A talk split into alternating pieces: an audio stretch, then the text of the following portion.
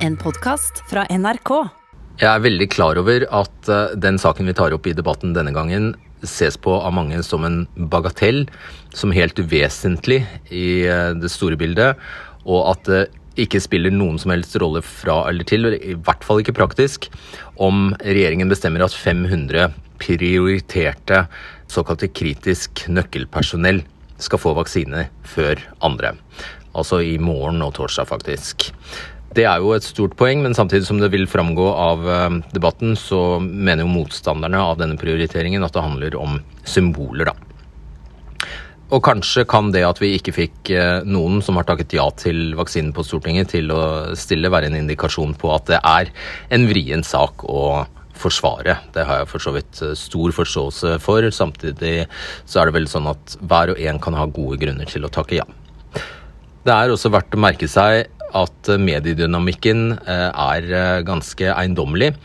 Regjeringen annonserte jo dette her på fredag, men så ble det pinse. Og det er egentlig bare VG som har hatt noen ja, saker dann og vann om denne prioriteringen. Ellers så har det vært ganske stille helt fram til i dag, da det virkelig eksploderte og alle mediene har fulgt uh, saken. Uh, så sånn uh, kan det gå. Jeg tipper også at regjeringen de første timene eller dagene etter at de varslet denne omleggingen, også var nokså overrasket over at det ikke ble flere reaksjoner.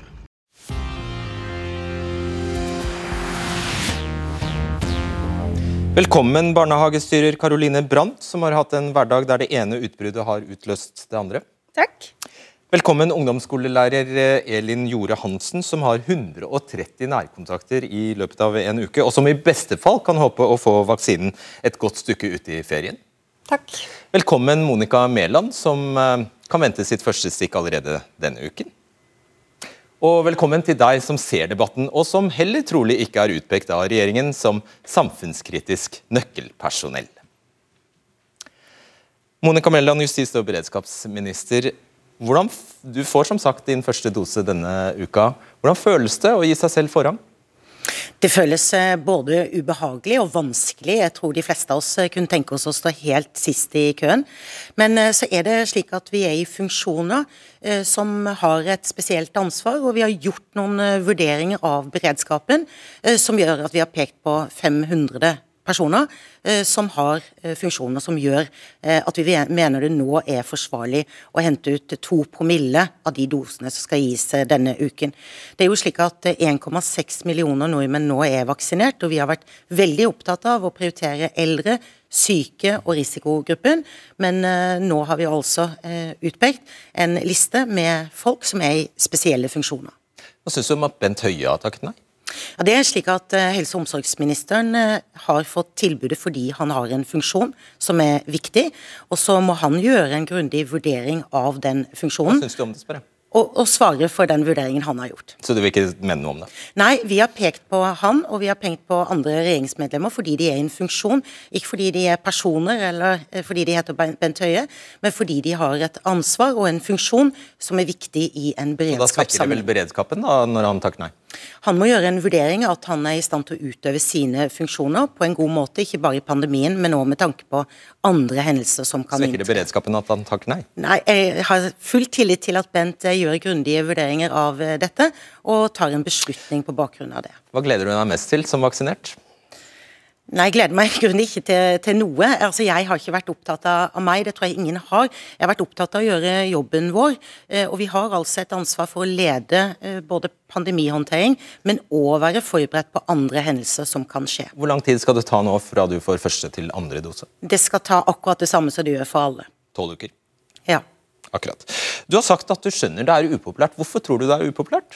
Fordi folk står i kø, folk er slitne, mange står i front. Det gjør disse to her. Jeg har stor forståelse for det. og Derfor har vi jo fortløpende gjort vurderinger basert på prioriterte grupper. Vi har bedt om vurderinger av ulike yrkesgrupper, eh, og vi har gjort beredskapsvurderinger slik som vi er pålagt å gjøre.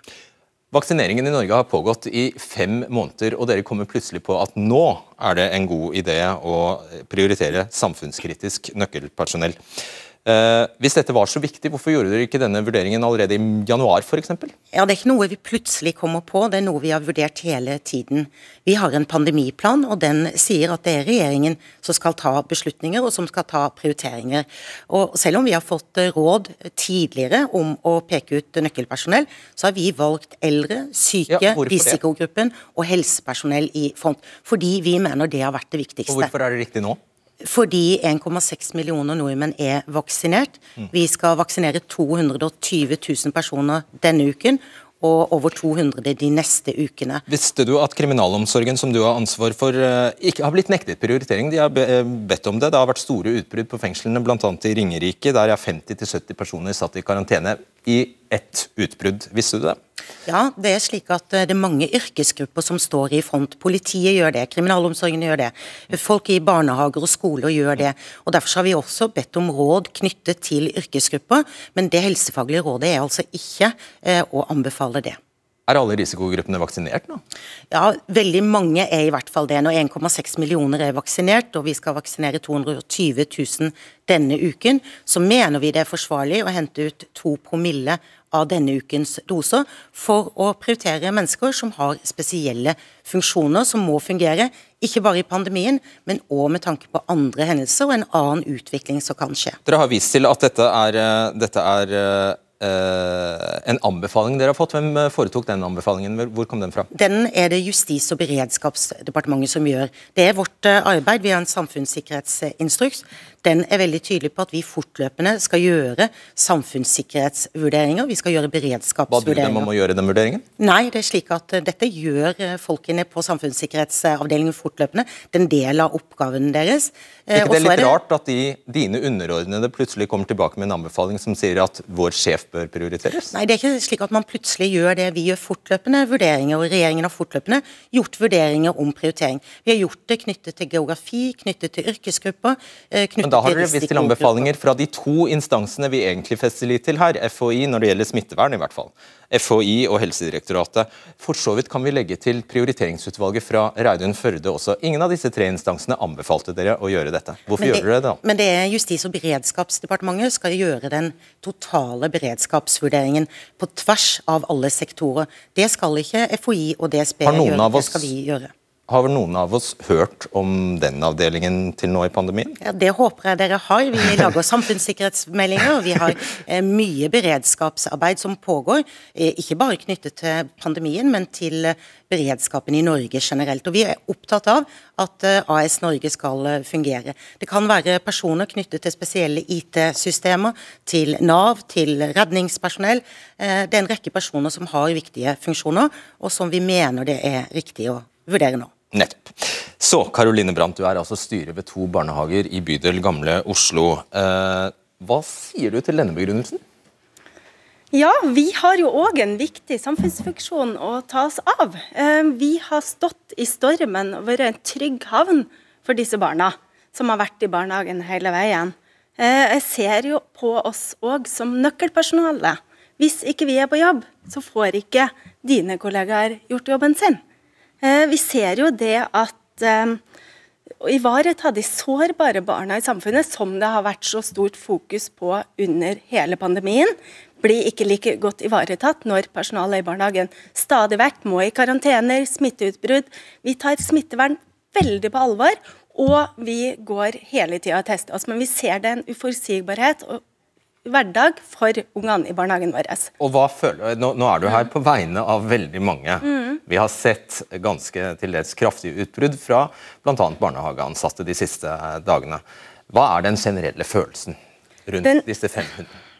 Den generelle følelsen er at nok en gang så blir man eh, forbigått i denne vaksinekøen. Og selvfølgelig så støtter vi jo òg at helsepersonell skulle få vaksine for oss, eh, men det handler litt mer om den symbolikken eh, som vises nå med at 500 doser blir gitt til disse gruppene. Skjønner at dette ikke kan redde hele sektoren vår, eh, men det er symbolhandlinger i det som blir ivaretatt nå. Og Især når man ser at FHI og DSB ikke har anbefalt dette. Da begynner man å stille spørsmål i tillegg. Mm. Jeg, skal, jeg, tror vi lar uh, svare på det. Bare for å være tydelig, Det FHI og DSB har gitt en anbefaling, det er å ikke prioritere de 14 samfunnsfunksjonene som vi har pekt ut, og som gjelder i enhver krise. Det har vi heller ikke gjort. Det vi har gjort, er å gå inn og sett på den ene samfunnsfunksjonen, som heter styring og ledelse. Det må vi sørge for. Det vil jo mange si bare gjør saken verre, at dere plutselig fisker opp en helt ny liste? Nei, det er en del av eh, listen på de 14. En av de heter styring og ledelse. Og Det må vi sørge for at er i funksjon, uansett hvilken situasjon Norge er i. Så vi har forholdt oss til de rådene vi har fått, men det er Justis- og beredskapsdepartementet som gjør totalvurderingen av beredskapen i Norge. Og så forstår jeg godt eh, reaksjonen, og vi er helt enige om viktigheten av den jobben dere gjør. og Derfor så ba vi òg spesifikt om en helsefaglig vurdering knyttet til nettopp ansatte i barnehage og skole. Ja, det er vel og bra det, men det er, det er ikke godt nok så langt som vi har kommet i pandemien. Nettopp. Da, eh, Elin Jorde Hansen, du er lektor ved eh, Orerønningen ungdomsskole i eh, Horten. Mm. Og du føler deg oversett som lærer. Hvorfor? Ja, det gjør jeg. Fordi at uh, Det pleier å være sånn i arbeidslivet at arbeidsgivere har et ansvar for at uh, arbeidstakerne har et trygt og sikkert arbeidsmiljø. Det opplever ikke vi i skole og barnehage at uh, vi har. Vi tenker at arbeidsgiverne våre de virker ikke så veldig opptatt av at vi har det trygt og sikkert på jobb, fordi vi blir litt sånn sendt i, kasta foran bussen og sendt i ilden i over et år nå. Og vi har ikke noe annen beskyttelse enn antibac og våtservietter. Selv har jeg på jobben 130 nærkontakter i uka, kanskje mer. Jeg vet andre lærere som har mange flere enn meg. Jeg veksler mellom et utall antall kohorter. Når jeg f.eks. underviser i spansk, så er jeg innom eh, alle trinna på klassen. Eh, eller på skolen, og I klassene mine da, så er klassene er delt inn i ulike kohorter i klasserommet. De må sitte atskilt, mens jeg som lærer jeg har ikke noe inndeling. Jeg er bare et redskap som bare er hvor som helst. Så Hva ber du Mæland om? Jeg ber om litt støtte og forståelse for at dette her er fryktelig vanskelig for oss. Vi er også en ressurs og en støtte i arbeidet med barn og unge. Dere har hele veien prioritert barn og unge, og jeg syns det er veldig merkelig at ikke vi som jobber med disse barn og unge, også har blitt prioritert litt før. Og så sier jeg som henne at dette her var det siste veldig det er en liten ting, men vi ble veldig skuffa nå når vi nok en gang ble forbigått. Og så tenker jeg Hvis dere hadde møtt oss på noe, eh, f.eks. at eh, de i smitteutsatte områder, de over 60, de med underliggende sykdommer, gjerne hele den pakka sammen, eh, så hadde det hjelpa litt. Men det er ingenting. Og da tenker jeg at nå er nok nok. Nå har vi stått i dette her i over et år. Og vi begynner å bli forsynte. Vil du supplere, og så skal Mæland få svar? Ja, jeg har bare lyst til å trekke frem en uttalelse av det i dag. Er At dette det her er funksjoner som er viktige for at AS Norge skal gå rundt. Og Da har jeg lyst til å kaste ballen litt tilbake igjen og si det at AS Norge har gått rundt pga. ansatte i barnehage, i skole, har stått i front i denne pandemien hele denne perioden. Og vi kommer til å stå løpet fullt ut til dette er over men vi er en del av det at AS Norge har gått rundt. Men det er vi helt enig i, eh, og dere gjør og har gjort en fantastisk jobb. og Derfor har vi òg bedt om faglige råd basert på nettopp eh, de yrkesgruppene dere representerer. Men, Men allikevel står... velger dere nå å gi 500 doser eh, som kun har gått til smitteutsatte områder i de bydelene eller de stedene i landet som det, det, er slik at eh, smitteutsatte områder får forfordelt doser. Eh, og vi får eh, fortere vaksinert folk i smitteutsatte områder. Og målet vårt, og la det ikke være tvil om det, det er at alle skal være vaksinert når skoleåret begynner. Og skulle det bli forsinkelser i produksjonen eller i forsendelsene, ja så kommer de vi til å gjøre nye vurderinger av det. Er det en trøst Hansen, at alle skal være vaksinert innen skolen begynner igjen? Det er jo en liten trøst, men det som jeg kan si da, Monica Mæland, er at jeg hører hva du sier, men vi er litt sånn lei av forståelse og at dere forstår at det er vanskelig. For dere er ikke der og har skoa på, og kjenner ikke hvordan det trykker. Vi har prøvd å si ifra i over et år, og det eneste vi ble møtt med, det er litt sånn tam forståelse og litt applaus, og så litt sånn ja, vi skjønner at det er vanskelig for dere. Ingenting konkret, ingenting håndfast. Og dette her var den siste dråpen som eh, Den symbolikken i de 500 dosene som gikk forbi oss nok en gang, den var ganske vond. Vi har hørt dere. Tusen takk, Karoline Brandt og Elin Jorde Hansen. Takk for at dere kom. Takk. Vi har i en uhøytidelig må understreke det, uhøytidelig undersøkelse på nrk.no spurt om dere er enig med Monica Mæland og regjeringen i at det er riktig å hastevaksinere 500 stortingspolitikere og annet såkalt samfunnskritisk nøkkelpersonell. Mange har svart, og se der. En nokså overveldende andel mener det ikke er eh, riktig. Jeg skal bare føye til noen av kommentarene som er eh, sendt inn også. Noen En sier vil påstå at politikerne bør gi sin plass i køen til politi, lærere, som burde bli satt langt frem i køen. En annen mener jeg mener det tjener demokratiet at politikerne våre blir vaksinerte. Slik kan de trygt gå ut og møte folket ansikt til ansikt når det snart er valg. Og en tredje sier hva med militæret eller de som styrer elektrisitet og kloakk? Hva med Heimevernet? Er ikke de samfunnskritiske? Og så tar jeg med en siste en. Er det dette som kalles storm i et vannglass? Au. er nærmest fascinerende å se folk fyre seg opp over ting som i praksis ikke betyr noen ting. Snakk om å male fanden på veggen. Takk for den. Da har Bjørnar Moxnes og Michael Tetzschner tatt plass på sånn, ja, koronamessig skulder til skulder, i hvert fall, eh, ser vi her. Eh, vi har vært i kontakt med alle stortingspartiene. Ingen av representantene som har takket ja til vaksinen, sa også ja til å komme hit i kveld. Men med oss fra Trondheim er Nettavisen redaktør Gunnar Stavrum, og du er også på plass, overlege eh, Trine Trude Basse, Basso, og det samme er du, Elisabeth Aarsæter, direktør i DSB. Velkommen til dere alle. Jeg tror jeg starter med deg, Aarsæter. Direktoratet for samfunnssikkerhet og beredskap. Dere har fått fem, fem doser har dere fått. Hvem får de fem? Ja, Da har jeg som direktør i DSB vurdert at da må vi gå på de funksjonene som er svært viktige for å bidra til å opprettholde ja, svært viktige funksjoner hvis det skulle virkelig skje noe ille utover pandemien i Norge. da. Så Vi har gått på vaktfunksjoner, bl.a. for nødnettet og for Sivilforsvaret. Og for den viktige situasjonsforståelsen helt fra regjeringen ned til kommunene via statsforvalterne. Du har sikkert mange hundre ansatte, de må føle ja, seg veldig uviktige. Ja, dette ledes da, så jeg også, skal også vaksineres denne uken. Ja, Du har tar en selv? Selvfølgelig. Ja, For du er en av de aller viktigste? Eh, direktoratets leder eh, må jo lede arbeidet, selvfølgelig. Var det gitt at du, det var du som måtte at du måtte ta en selv? Altså Ingenting er gitt i disse situasjonene. Det er jo vanskelige diskusjoner. Men jeg tenker at man må stå i det ansvaret man har, og rett og slett eh, gjøre jobben sin også under svært trange forhold. Da, og Spesielt også når det er veldig omdiskutert. Men unnskyld uttrykket, men dette kan jo bli smått absurd når du nettopp beskriver et vaktlag der du er nødt til å peke på én. La oss si at det er fem stykker i en eh, turnusordning, da, så må du peke på én av dem som skal få vaksinen. Gir det noe mening i det hele tatt? Ja, men det gjør det. For det betyr jo ikke at, uh, altså det betyr at fem er bedre enn null, selv om fem er lite. Men vi har f.eks. situasjoner i Norge med trusler som som, som, ikke er så synlige, hvor vi må gå for i graderte rom, snakke sammen på en annen måte enn vi gjør til vanlig. Da er det viktig at vi har noen utpekte som f.eks. kan bli med i slike samtaler. Og Vaksinasjonsprogrammet det stopper jo ikke opp pga. de 500, det går jo videre. Nettopp. Eh, kunne dere takket nei? Ja, man kan takke nei, det har vi jo sett i dag. For det har jo også medlemmer av regjeringen og Stortinget gjort, så det kunne vi gjort. Men det er ikke aktuelt for DSB å gjøre. Hvorfor ikke? Nei, det er vår rolle å stå i og jobbe i svært krevende situasjoner for Norge. Og da selvfølgelig, som nettopp Norges beredskapsmyndighet, så er vi selvfølgelig med å gjøre jobben, jobben vår, også med de, med de vanskelige diskusjonene som denne vaksinasjonsdiskusjonen også er, da, for den er jo det. Ja, den er jo det, men kunne dere ikke ha sagt at når, vi først, når dere bare gir oss fem av de 500, da har dere allerede signalisert så kraftig at vi ikke er viktige, så vi Nei takk, det, fem har vi ikke bruk for. Nei, det har ikke, det har ikke regjeringen signalisert. Det har signalisert at DSB er viktig. Derfor skal vi begynne på, eh, med disse fem. Overrasket over at det ikke ble, ble prioritert mye før i pandemien?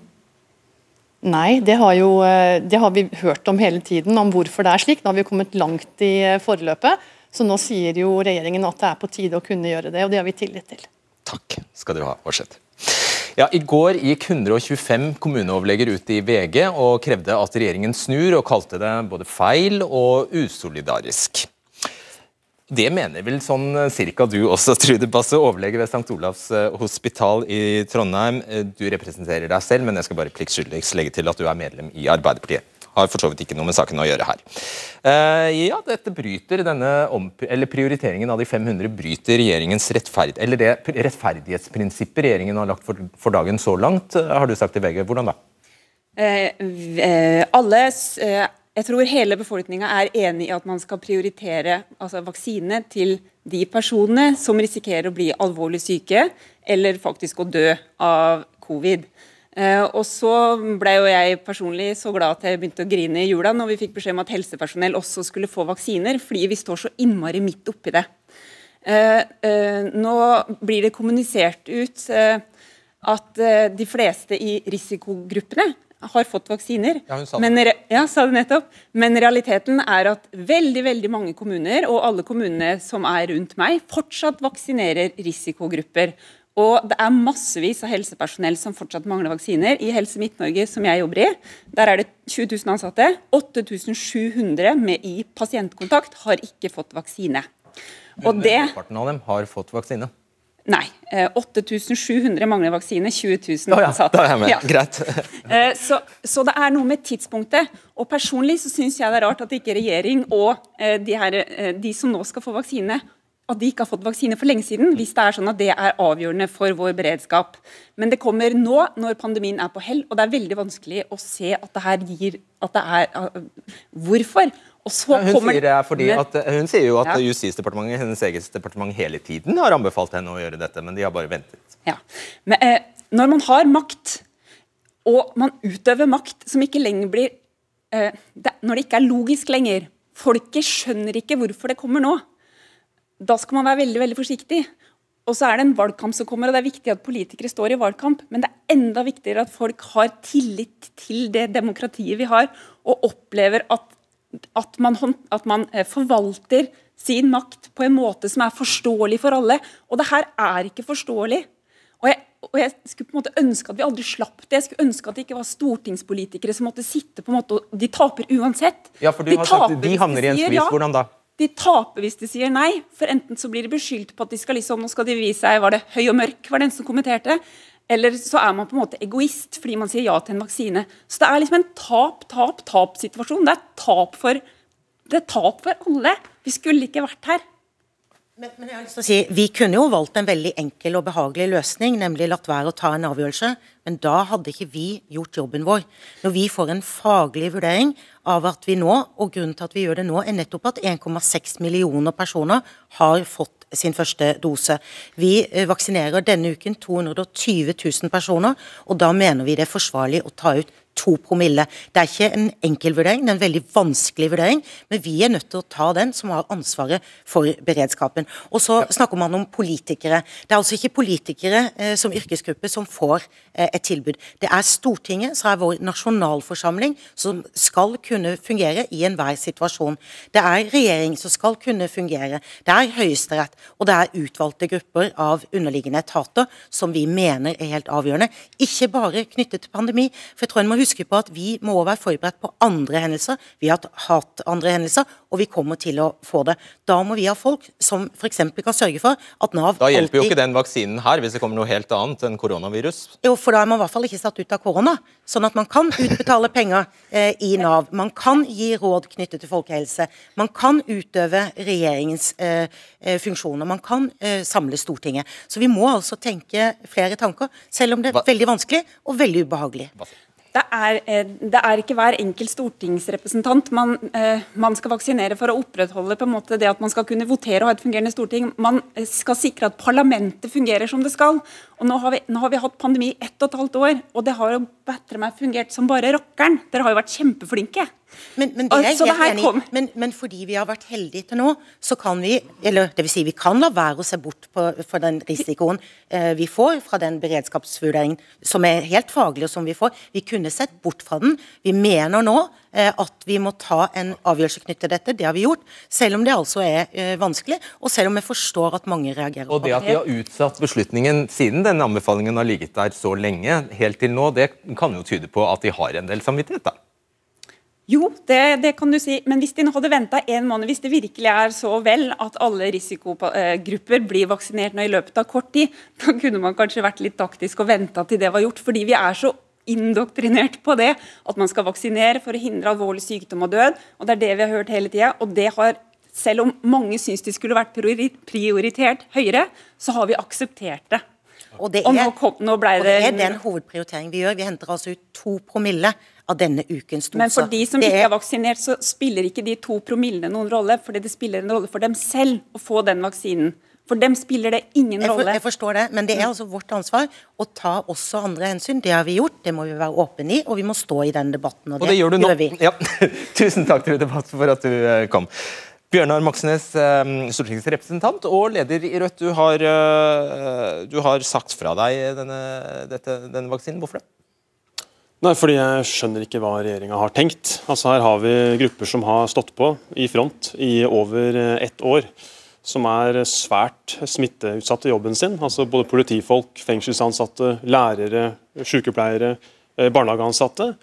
Og det å da prioritere friske, folkevalgte 30-åringer på Stortinget foran dem, det reagerer folk på med rette. Det skaper en storm der ute, fordi det bryter med rettferdighetsprinsippene. Og Det er mange folk i Norge som ikke egentlig er så har så til, til, til, til sittende regjeringa, til høyreregjeringa, men som har fulgt uh, tiltakene uh, lojalt i et år og stolt på regjeringas koronahåndtering.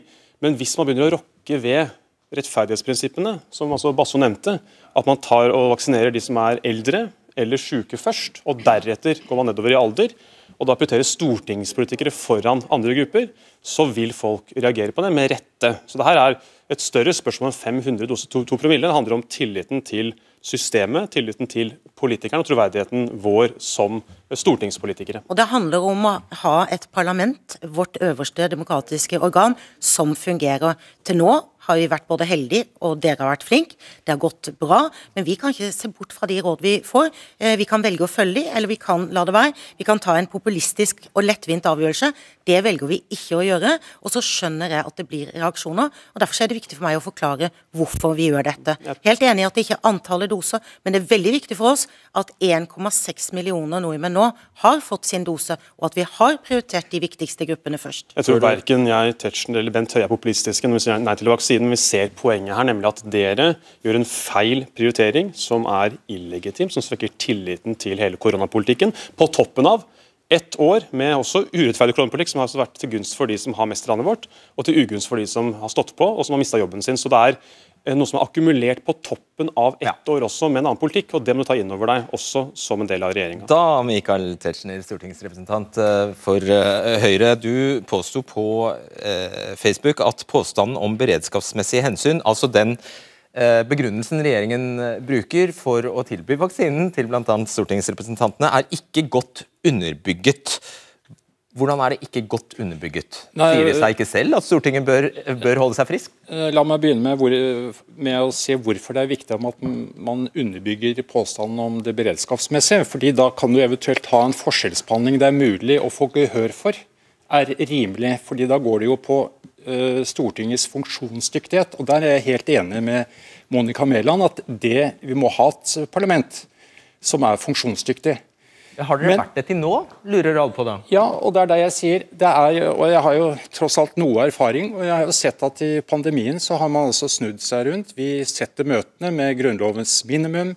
Vi tilbyr Det betyr at dere er, at dere er et mini... så vidt over rundt 85 av 169. personer til stede. Vi har et utmerket eh, varemannssystem. Eh, Komitémøtene eh, går som de skal, fordi vi også tilbyr da digital deltakelse. Det er fremdrift i sakene.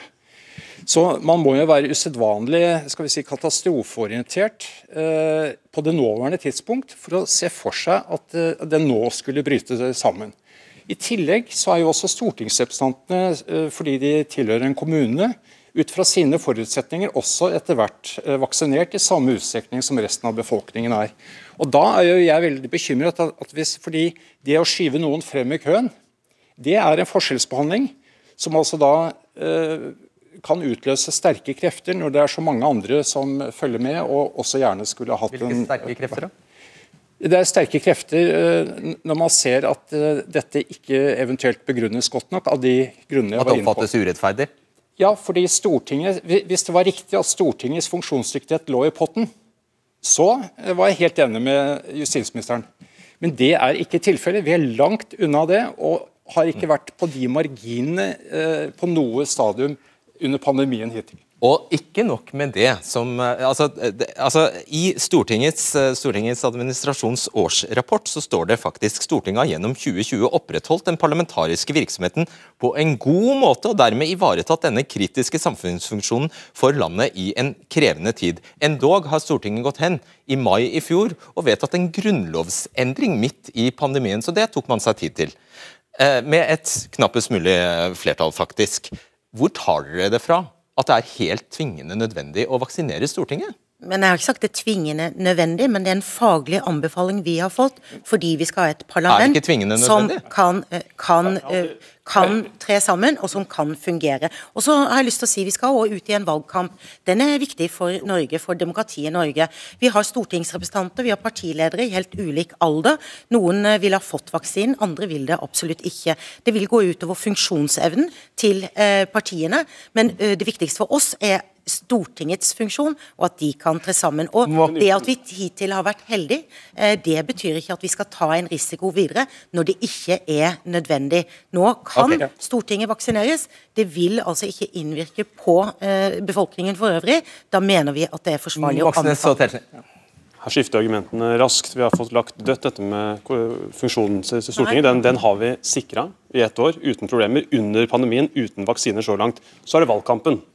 Hvis valgkampen var hensynet, burde man jo da vaksinert de som var kandidater til Stortinget. Halvparten av oss skal jo ut, slutter jo, er jo ferdig på Stortinget når eh, høsten kommer, mens de som står på listene, burde da vært vaksinert. Men det ville også vært et brudd med prinsippet, som er det viktige her. nemlig at Vi har i ett år hatt et prinsipp om at vi skal gi vaksine når de kommer til de som da er uh, syke, i risikogruppene, som er de eldre, og ikke sette andre grupper foran disse. Og Det å prioritere, men så, men så det, å, det å prioritere stortingspolitikere som har hjemmekontor, som har cellekontor på Stortinget, som har hurtigtest gratis i kjelleren, som har pleksiglass mellom setene i salen og munnbind, over lærere, politifolk, folk ja, i barnehager. Det er helt, det er helt meningsløst, og det er illegitimt. Den beredskapsmessige vurderingen det svekker tilliten til hele koronapolitikken, og det, ditt, og det er ditt problem, og det burde du se. Det er mitt ansvar eh, å ta beredskapen på alvor, og det gjør jeg. Du sa jo nettopp at det ikke var tvingende nødvendig. Hvordan, kan, hvordan henger det sammen med at det handler om beredskap? Men det er forskjell på det å si at vi peker på funksjoner hvor vi anbefaler en vaksine. Vi kan ikke tvinge noen til å la seg vaksinere, men vi må be om at man tar beredskapshensyn, og at man gjør sine faglige, grundige vurderinger, slik at funksjonen kan opprettholdes. Det er viktig av hensyn til demokratiet vårt. Jeg, jeg, tror vi skal ta det litt rolig her, fordi uh, regjeringen skal ikke vaksinere Stortinget. Det er et tilbud til Stortinget, og det har vært mitt poeng. At Stortinget må som institusjon, og det er også i samsvar med prinsippene i beredskapsplanlegging, de må se gjennom sine egne funksjoner og vurdere hvor kritiske de vil være utsatt for en oppblomstring av, av pandemien.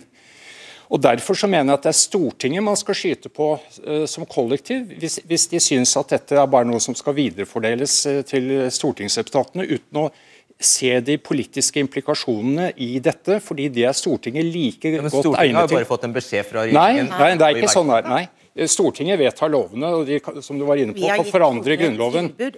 Så jeg syns også at denne voldsomme fokuseringen mot regjeringen som har gitt et tilbud, fratar ikke Stortinget selv å gå gjennom sine rutiner. Er det noe riktig i dette, eller, eller kan vi la dette gå, uh, gå forbi? La oss, la oss henge, med, heng, heng på katten. Er det, de, er det, de, som takker ja til vaksinen du kritiserer nå, nei, eller er det Stortingets Nei, Stortinget er en institusjon som består av 169, ledes av et presidentskap hadde, med flere partier representert. Det hadde vært helt naturlig om Stortinget som organ hadde gått gjennom sine Presidentskapet, da? eller? Ja, fordi det er våre tillitsvalgte til å forestå uh, uh, Stortingets drift. Og Det kan godt være at det kunne være annet nøkkelpersonell på Stortinget som er viktig i en krisesituasjon, er friske og raske, f.eks. Sikkerhetsavdelingen. Uh, og, og, og, de som hjelper stortingsrepresentantene, som ikke nødvendigvis selv er det. Ikke rådgivere, men altså de som sørger for at Stortinget holder åpent. Og Så okay. kunne man kanskje kommet frem til at fem eller ti doser hadde vært nok. Men, det, men, jeg vil insistere på at det er Stortinget som må ta den avgjørelsen selv, og ikke skyve regjeringen foran seg. For Regjeringen har jo bare gitt et tilbud, men Stortinget burde være de første til å se de politiske virkningene, når de da ikke lar seg begrunne praktisk. Da er vi med. Gunnar Stavrum, du er sjefredaktør i Nettavisen med oss fra studio i Trondheim. I dag skriver du at politikerne som eh, driver med råpopulisme, koronadumskap og billig velgerfrieri, kan du utdype? Ja, jeg skulle ønske det var en vaksine mot eh, enkel eh, publikumsfrieri av billigste slag. Dette har overhodet ingen betydning. Neste uke skal det settes 220 000 doser. Eh, hvis alle de 500 tar imot dosene, så blir resten utsatt fem minutter. Det har ingen betydning. Det jeg tror mange reagerer på, det er hvorfor ikke dette har skjedd for lenge siden. Og Hvis vi får en ny pandemi, eh, så bør vi ha lært av denne pandemien at noe av det første som skal skje, er at vi sikrer at vi har forsvarlig styring av landet, at vi har en nasjonalforsamling som fullt fungerer, og at vi har en regjering og andre livsnødvendige eh, funksjoner som faktisk fungerer. Eh, så jeg syns det er håpløst når stortingspolitikere nå for å skåre billige poenger går ut på den måten de gjør. Sånn som Moxnes, da, formoder jeg du mener gjør? Ja, jeg syns at det er, eh, det, er, det er rene sludder. Det har ingen betydning for vaksinutrullingen, f.eks. For, for de 150 000 lærerne, eh, at 500 nøkkelpersoner i samfunnskritiske funksjoner blir prioritert i vaksineringen. Ok, Moxnes. Ja, Dette handler om, om, rettferdighet, som er kanskje et fremmedord for Stavrum. altså Å sikre rettferdighet i vaksinepolitikken, og at den har legitimitet ute i eh, befolkninga. Og Jeg har fått så mange reaksjoner fra folk som er altså fly forbanna eh, på regjeringa for denne omprioriteringa, som ser at det er andre grupper som er langt mer smitteutsatt i jobben sin, som trenger å prioriteres milevis foran stortingspolitikere. Og som også har sett at argumentene dere har ført fram i marken, altså om Stortingets funksjonsdyktighet, om dette med valgkampen, ikke henger på greip. Så jeg tror at Stavrum burde lytte litt mer til eh, politifolk, til eh, lærere, barnehageansatte, enn, enn til regjeringas argumenter, for de holder altså ikke vann. Og vi ser at folk der ute åpenbart er uenige med regjeringa, og at det her kan også gi en svekka tillit til hele regjeringas koronapolitikk. Og det er et problem for hele samfunnet vårt. Jeg følte den gikk litt til deg også, Tetzschner, så du får svare kort. Ja, Altså, Symboler er viktig i politikk. Og Hvis det er slik at man blir stående igjen med det symbolske fine i at Stortinget er dekket hinsides enhver eventualitet. Mens vi i virkeligheten står overfor en meget fleksibel organisasjon som ikke har vært eh, truet på sine kjernefunksjoner noen, noen gang under pandemien. Da blir det vanskelig å forsvare overfor bedrifter som kjemper for overlevelse med kunder og leverandører, når de underlegges byrder som vedtas av det samme Stortinget. Det er der Dette ble mer enn symbolikk. Der har du det, og Da kan vi også si at ja, ja. den svenske riksdagen, det danske folketinget og den, og den finske riksdagen der er det ikke snakk om å sette eh, nasjonalforsamlingsmedlemmer foran i køen fordi de er nasjonalforsamlingsmedlemmer. Akkurat. Svar veldig kort på det, Savrum. Ja, Nå har jo aldri regning vært eh, Bjørnar Moxnes sin sterke side, men det viktige her er at, uh, å høre på SV, tidligere SV-politiker Snorre Valen som sier at nå får Stortinget ta vaksinen og gjøre jobben sin. En fungerende nasjonalforsamling er ikke en luksus, det er faktisk et tvingende nødvendighet i et demokrati. Ok, Monica Mæland, eh, vil du avslutte? Ja, Vi har gjort eh, denne vurderingen. Som sagt er den eh, vanskelig, og jeg forstår eh, at det reageres på det. Så får Stortinget gjøre sine vurderinger. Men mitt ansvar er selvfølgelig å gi råd knyttet til kritiske samfunnsfunksjoner som skal fungere både i pandemien, men òg med tanke på at andre ting skjer og kan skje. Har reaksjonene blitt sånn omtrent som forventet?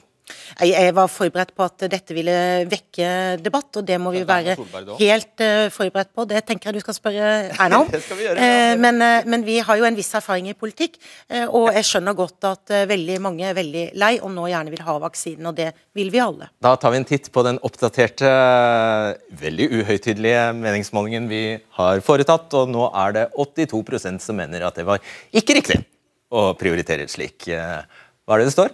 15, 15 eh, mener ja, og så er det 3% som ikke vet. Greit. Takk for at du stemte, takk for at du kommenterte, takk for at du så debatten. Vi er tilbake på torsdag. Ha det bra.